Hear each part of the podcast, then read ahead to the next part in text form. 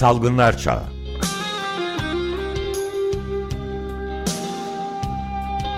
Pandemide Sağlık.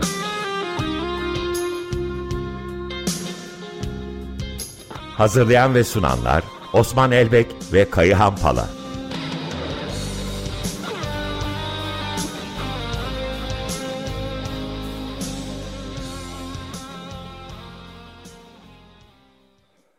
Merhabalar, günaydın. Geldiniz. Günaydın. Günaydın. Evet, pandemide sağlık durumunda çok sayıda yeni haber var herhalde. Ee, hemen e, rica edelim bir özetler misiniz neler neler bittiğini? Ee, Ömer Bey isterseniz bir fikri takiple başlayalım e, bizi izleyen dinleyenler 27 Mayıs'taki programımızı hatırlarlarsa ki o zaman e, sevgili dostumuz Özlem Azap'la birlikte program yapmıştık. E, defin raporlarına, belediyelerin defin raporlarına atıfta bulunarak 1 Mart 15 Mart e, süreçlerinde 1 Mart 2020 15 Mart 2021 tarihleri arasında resmen 29 bin küsür vefat olmasına rağmen defin e, raporları nedeniyle aslında COVID-19 bulaşıcı hastalık ölümlerinin 45 bin küsür olduğunu, bu yüzden resmi ölüm sayısının 2 ile çarpılmasının doğru olduğunu öngörerek resmi projeksiyonu 100 bin civarında ölüm olarak tariflemiştik. Hatta o program kimi haber portallarına da yansımıştı. E, programdan sonra ne bir yalanlama ne bir doğrulama gelmedi ama dün kritik bir gündü. E, TÜİK geçen yılın ölüm verilerini açıklayacaktı ve gerçek rakamlarına daha yaklaşabilecektik. E, TÜİK istatistiki hesaplamaların devam ediyor gerekçesiyle bilinmez bir tarihe erteledi. Ancak dün akşam e, Sağlık Bakanı Koca'nın yaptığı açıklamada salgın sebebiyle 50 bine yakın vatandaşımızı kaybettik cümlesinin arkasından dolaylı olarak bir bu kadar daha sağlık hizmetinin yavaşlaması, e, vatandaşlarımızın başvurmaması nedeniyle e, insan kaybettik diyerek zımnen de olsa ilk kez 100 bin ölüm e, kabul edildi gibi. E, sevgili Kayan ne dersin sürecin en başından itibaren sen e, ölüm raporlarına dikkat çeken bir bilim insanısın. E, Sayın Bakan da 100 bin rakamını böylelikle telaffuz etti mi? E, çok haklısın. Sayın Bakan böylelikle en az 100 bin rakamını söylemiş oldu. Ama tarihi biraz daha geriye saracak olursak Osman anımsarsın. Biz 2020 yılının, 2021 değil, daha Nisan ayında Sağlık Bakanlığı'nın açıkladığından daha fazla olgu olduğunu değişik kaynaklardan yola çıkarak toplumla paylaşmıştık. Hatta işte hakkımızda soruşturmalar açıldı filan. Fakat birkaç ay sonra artık bu gerçek saklanamaz hale gelince Sağlık Bakanlığı aslında açıkladığının olgu sayısı değil, hasta diye dünyada ve literatürde tıp öğretisinde yeri olmayan bir şey olduğunu, bundan sonra olgu sayılarını açıklayacağını söylemek zorunda kalmıştı. Ve birdenbire bir gecede 10 Aralık tarihinde 1 milyon 190 bin olgu Sağlık Bakanlığı tarafından istatistiklere eklenmek zorunda kalmıştı.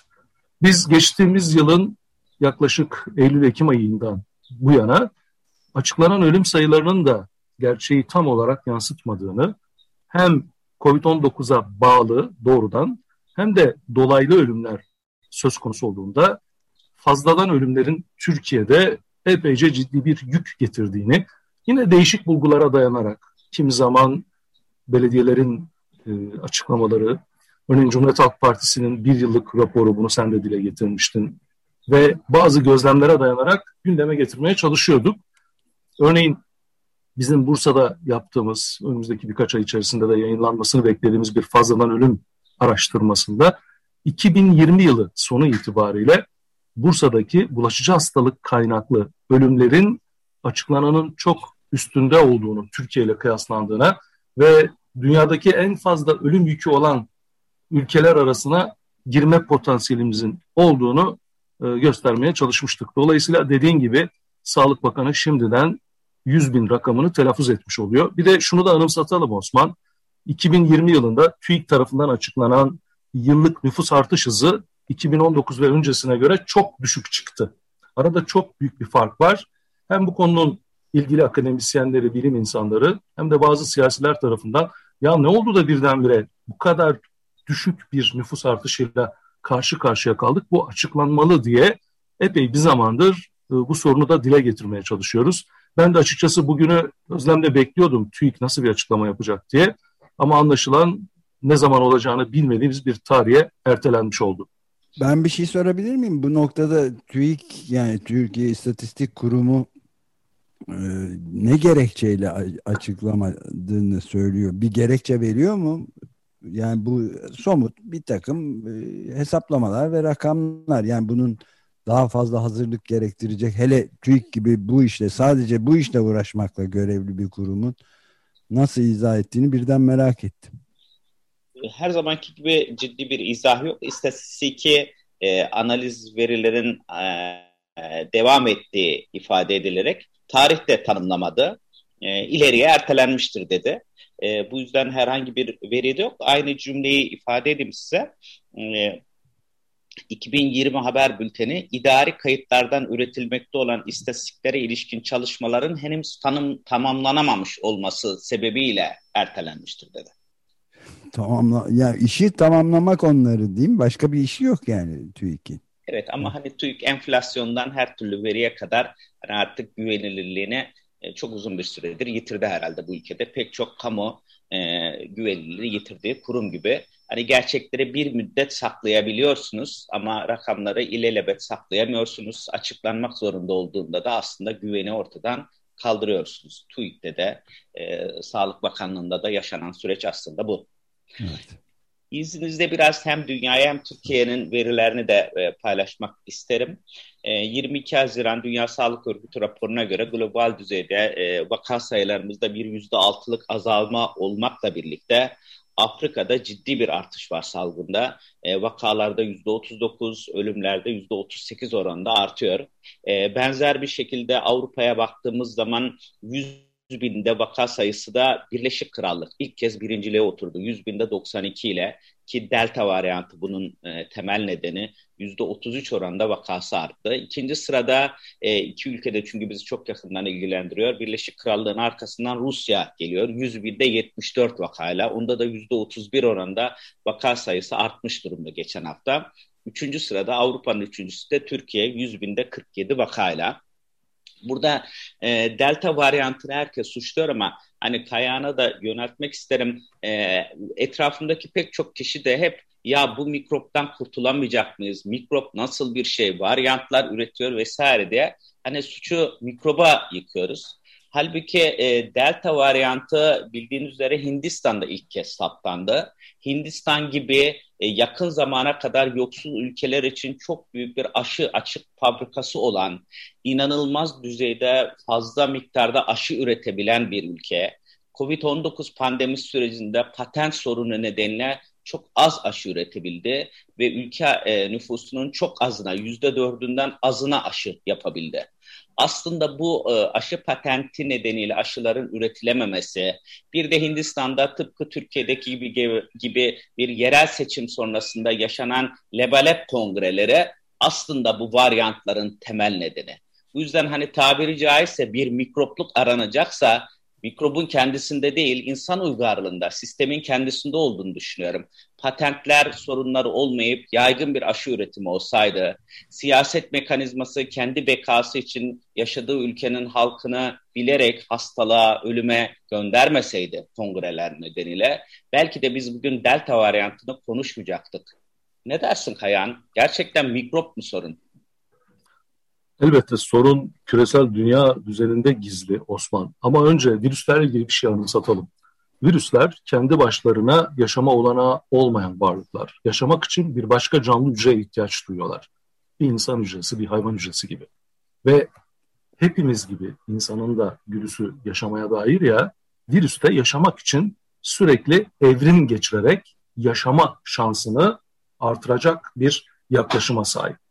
Dolayısıyla biz virüsleri yeterince tanımadığımız, koronavirüsleri yeterince tanımadığımız için her yeni varyant sanki bir başka komplo teorisine dayanak oluşturuyormuş gibi e, algılamaya çalışan bir kesim var. Oysa senin de söylediğin gibi biz bu virüs salgın yaptığı sırada küresel olarak bunu baskılayabilecek bir yaklaşımı gündeme getirebilseydik, özellikle aşı bulunduktan sonra o zaman bu kadar yeni varyantlar karşımıza çıkmaz durumda olabilirdik. Bakın şimdi delta varyantından söz ediyoruz. Bir de delta plus, delta artı demek belki Türkçe daha doğru. Ee, onun da bir yeni varyantını konuşuyoruz. Üstelik bu yeni varyant Hindistan'da gelişmiş olmasına rağmen ilk kez senin de bildiğin gibi e, Public Health England tarafından İngiltere'de 7 Haziran tarihinde tanımlandı ve şimdi hızlıca Delta Plus'ın da Amerika, İngiltere, Portekiz, işte Japonya, Polonya bizi de ilgilendiren Rusya'da karşımıza çıktığına ilişkin bilimsel veriler var. Dolayısıyla biz salgını baskılama konusunda küresel olarak başarısız kaldıkça bu koronavirüs ve bundan sonraki virüsler evrim geçirerek hayata daha fazla tutunmak için yeni varyantlarla, yeni endişe verici varyantlarla karşımıza çıkma potansiyeline sahip. Peki e, Türkiye'ye biraz projeksiyonu çevirsek, Türkiye bu e, baskılama sürecini özellikle 1 Temmuz'da her şeyin normalleşmesine dair işaret verdiği ortamda nasıl sağladı ve sağlayacak? Çünkü Türkiye'de e, bugün itibariyle 100 binde vaka sayısı 47 ancak her ilde aynı değil. Örneğin e, 4 ilde 100 binde 100'ün üstünde olduğunu biliyoruz. Sadece Adana, Hatay ve Osmaniye'de salgının bugün itibariyle 100 binde 10 vakanın altında yani kontrol sınırının altında olduğunu biliyoruz. Ve e, sıkıntılı bir taraf bu bir hafta içerisinde 27 ilde de vaka sayılarının 100 binde vaka sayılarının artışa geçtiğinin farkındayız. Yine Haziran ayına bakarsak 1 Haziran'dan bugüne kadar aktif vaka sayısının e, 78 binlere kadar düşürdüğümüz aktif vaka sayısının 90 bin sınırına geldiğini ve sadece Haziran ayında 4500'ü aşan aktif vakanın bu havuza girdiğinin de ortasındayız.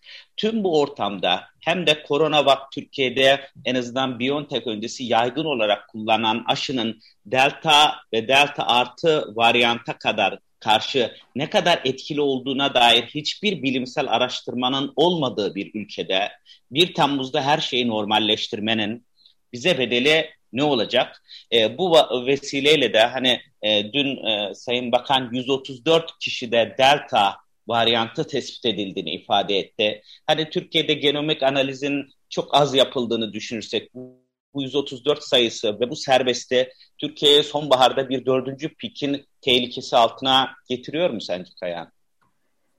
Osman bence bu soruya iki bileşen üzerinden yanıt vermemiz gerekir. Birincisi eğer BioNTech gibi güçlü bir aşıyla günde 1 milyon üstünde aşılamayı önümüzdeki 2-2,5 ay sürdürebilecek olursak biraz rahatlama olanağımız var. Ancak sen de görmüşsündür. Bakan dün bir açıklama yaptı. Şu ana kadar Türkiye'ye gelen toplam aşı dozu 60 milyonun biraz altında ve bunun işte 24,5 milyonu yalnızca BioNTech. Dolayısıyla bizim 60 milyon insanı 120 milyon dozla aşılamamız gerektiği bilindiği için önümüzdeki 2-3 ay boyunca BioNTech'le ikinci aşılarda dahil olmak üzere bu kadar hızlı ve şu anda bizi memnuniyetle karşıladığımız bir e, pozisyona sevk eden aşılama süreci devam edecek mi etmeyecek mi? Birinci e, soru bu. Eğer devam ederse biraz rahatlarız. İkincisi senin de vurguladığın, bizim de uzun zamandır vurguladığımız Türkiye'nin endişe verici varyantları ne kadar yakından takip edebileceğiyle ilgili. 124 sayısı dünyadaki 134 pardon dünyadaki diğer ülkelerle kıyaslandığında hiçbir şey. Yani şu anda bir risk olmadığı söylenebilir. Ama biz çok az genomik analiz yaptığımız için bu sayı bize Türkiye'deki gerçek örüntüyü vermek açısından yeterli bir sayı değil. Ee, ben önümüzdeki birkaç ay içerisinde dünyanın durumuyla birlikte Türkiye'de de yeniden bir henüz kontrol altına alınamayan salgın dalgasında tepe noktasına doğru yükseliş olabileceğini öngörüyorum. Eğer aşılamada istediğimiz noktayı yakalayamazsak ve bu endişe verici varyantları yakından izleyip gerekli önlemler alamazsak. Gerekli önlemden kastım şu, az önce sen haftalık yeni insidans olgularına göre işte 4 ilde 100 binde 100'ün üstünde, 3 ilde 100 binde onun altında. Dolayısıyla biz Türkiye'de 3 ilde salgını kontrol altına almışız ama geri kalan 78 ilde kontrol altına alamamışız. 4 ilde ise bayağı ciddi bir şekilde salgın etkisini hissettiriyor. O zaman bizim il bazında gerekiyorsa ilçe bazında yakından takip edip endişe verici varyantlar üzerinden de önlem alarak bu süreci yönetmemiz beklenir. Ancak Türkiye'nin geçtiğimiz bir buçuk yıldaki salgın yönetimi deneyimi böyle bir e, yönetsel anlayışın salgının yükseldiği yerlerde bir baskılama girişiminin karşımıza çıkma ihtimalini azaltıyor. Bu yüzden ben dünyanın bazı yerlerinde beklendiği gibi bu yılın dördüncü çeyreğinde e, bir risk görüyorum doğrusu.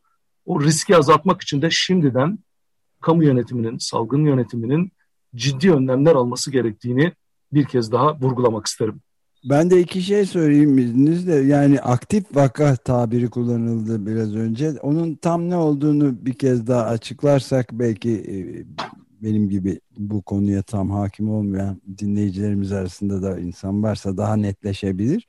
Bir de e, kamu yönetiminin e, ikinci soru olarak kamu yönetimi tedbirlerini artırmalı dediniz ama e, bireylere tek tek e, vatandaşlara düşen e, şeylerde ne yapılması gerektiğini de bir kez daha hatırlatmak gerekiyor. Yani tedbir anlamında. Bu açılmadan sonra özellikle. E, aktif vakadan kastımız aslında Ömer Bey, e, COVID-19 hastalığına yakalanmış e, o günkü e, kişilerden iyileşmiş olanları ve vefat etmiş olanları çıkarıyoruz. Yani hala hastalığın etkisinin devam ettiği, hala hazırda hastanede veya evde izolasyon altında olan toplam hasta havuzunu tarifliyoruz.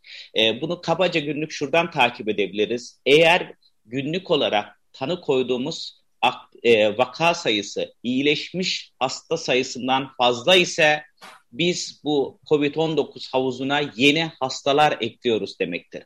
Bu yüzden ancak iyileşmiş, günlük iyileşmiş sayımız, günlük saptadığımız hasta sayısından daha fazlaysa e, biraz salgını baskılamaya başladık anlamına geliyor. Hı hı.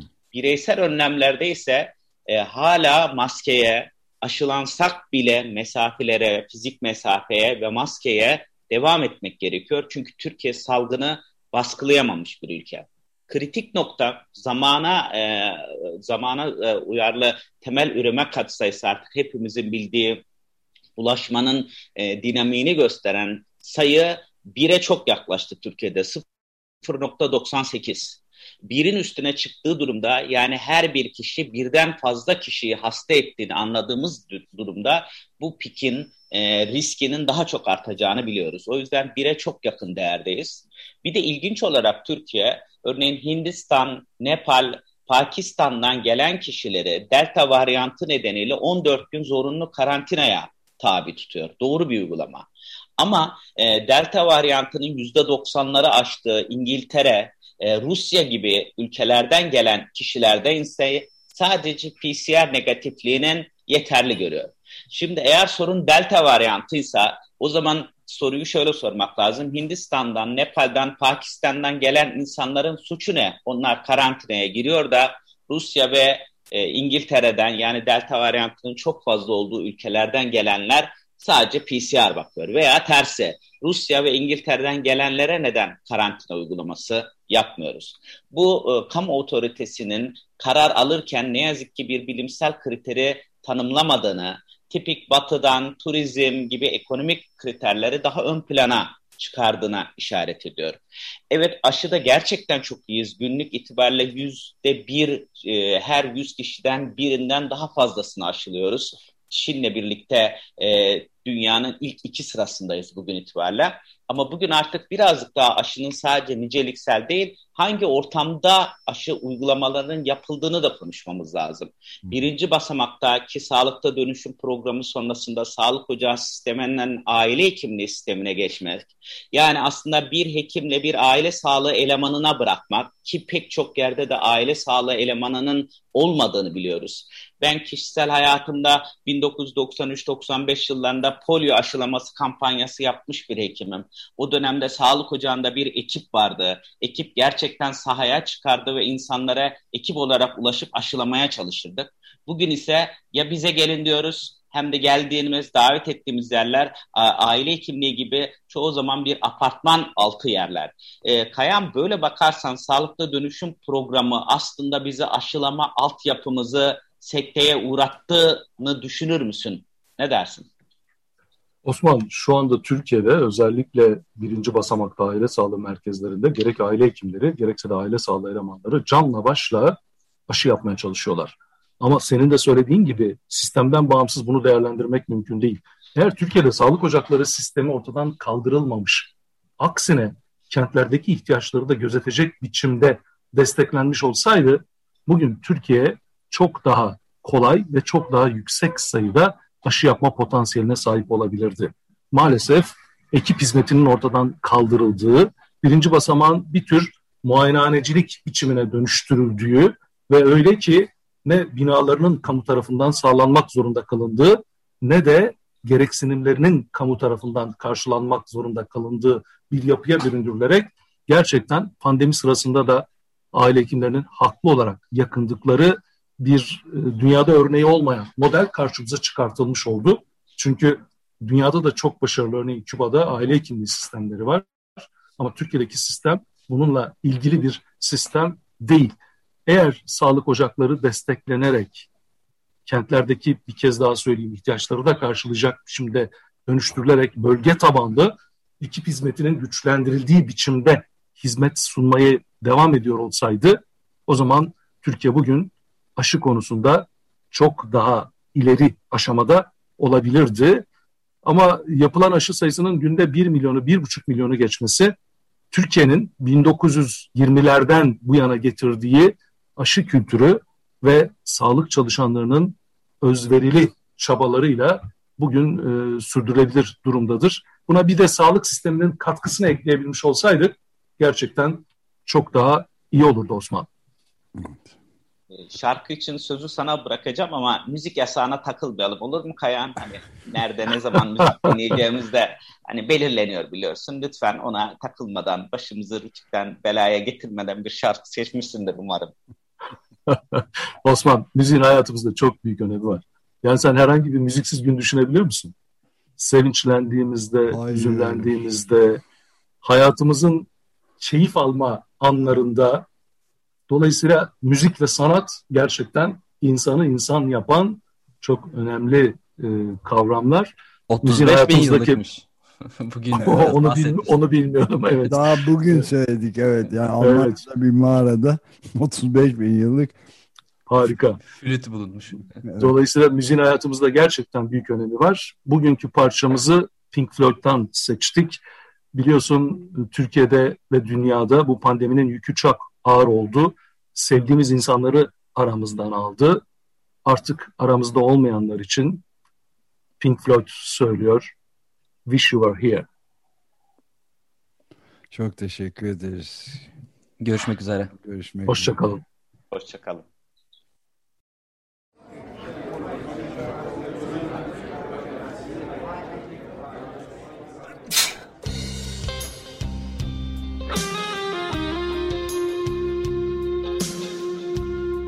Salgınlar Çağı.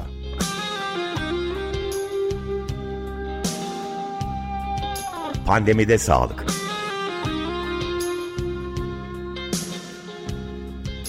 Hazırlayan ve sunanlar Osman Elbek ve Kayıhan Pala